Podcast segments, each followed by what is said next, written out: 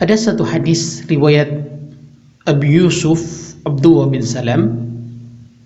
Di hadis itu menceritakan sabda Rasulullah Sallallahu Alaihi Wasallam tentang kunci masuk surga dengan penuh kedamaian.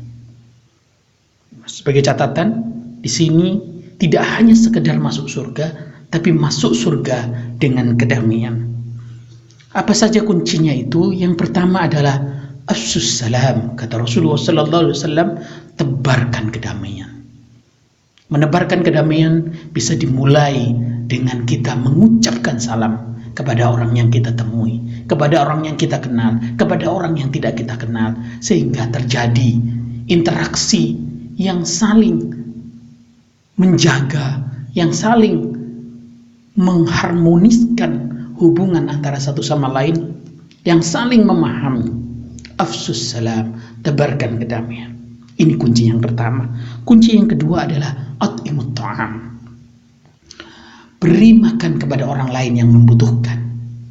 Ini pesan yang kedua bahwa untuk masuk surga kita diperlukan mempunyai kepedulian kepada sesama, kepada orang-orang yang ada di sekitar kita. Siapa di antara mereka yang membutuhkan makanan, membutuhkan keperluan-keperluan yang mereka tidak bisa penuhi dan hanya kita yang mungkin bisa membantunya, di situlah kita akan mendapatkan surga apabila kita memiliki kepedulian untuk mengulurkan tangan kepadanya.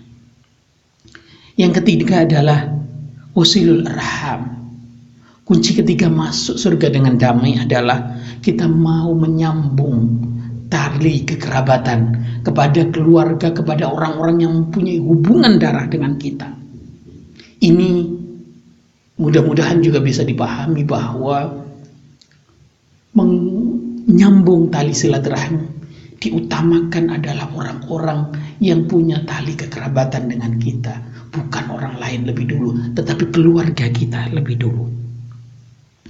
Ada yang ketiga, yang paling akhir adalah kunci agar kita bisa mendapatkan surga berdasarkan hadis riwayat At-Tirmidzi ini. Rasulullah sallallahu alaihi wasallam memerintahkan kita untuk wasallu wan salatlah saat orang-orang lain saat kebanyakan orang sedang dalam kondisi tidur.